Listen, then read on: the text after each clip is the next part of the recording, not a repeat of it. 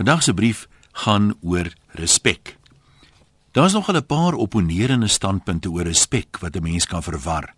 Jy hoor dikwels iemand sê dat respek verdien moet word of dat iemand respekwaardig moet wees.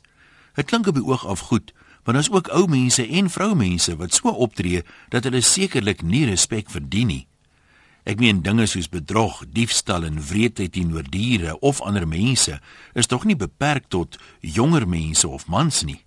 Maar tree nou disrespekvol teenoor so iemand op, dan braak mense weer gal en vra, "Het jy dan geen respek vir 'n ou mens nie of is dit soos jy met 'n dame praat?" Kyk as respek verdien moet word, dan impliseer dit mos dat jy eers iemand moet ken of op een of ander manier met daai persoon te doen moes gehad het en dat hy dus iets moes gedoen het of nie gedoen het nie om jou respek af te dwing. Jy kan nou nie iemand respekteer wat jy pas ontmoet het nie tensy sy voorkoms om een of ander rede respek verdien.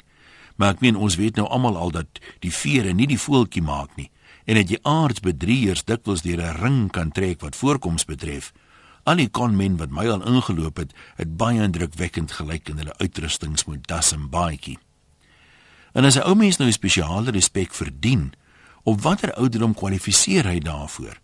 Ek meen party ou mense wat dan op 80 nog nie eers weet hulle is oud nie.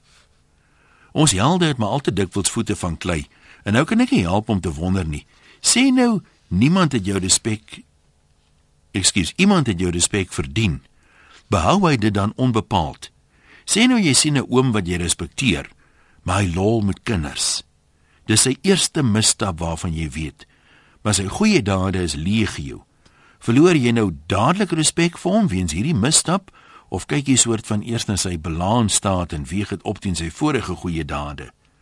Mense sê ook dikwels jy respekteer nie die persoon wat 'n amp beklee nie, maar eintlik die amp self. Dis maak dit nie saak wie die president is en hoe hy hom gedra nie. Hy bly darm die president.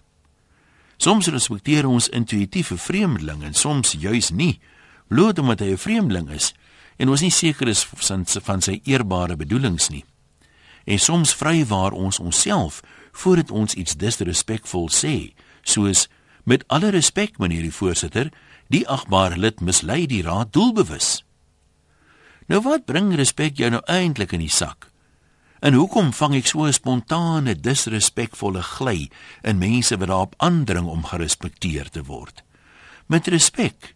Respek kan nie afgedwing word nie. Groete van oor tot oor. Anoniem.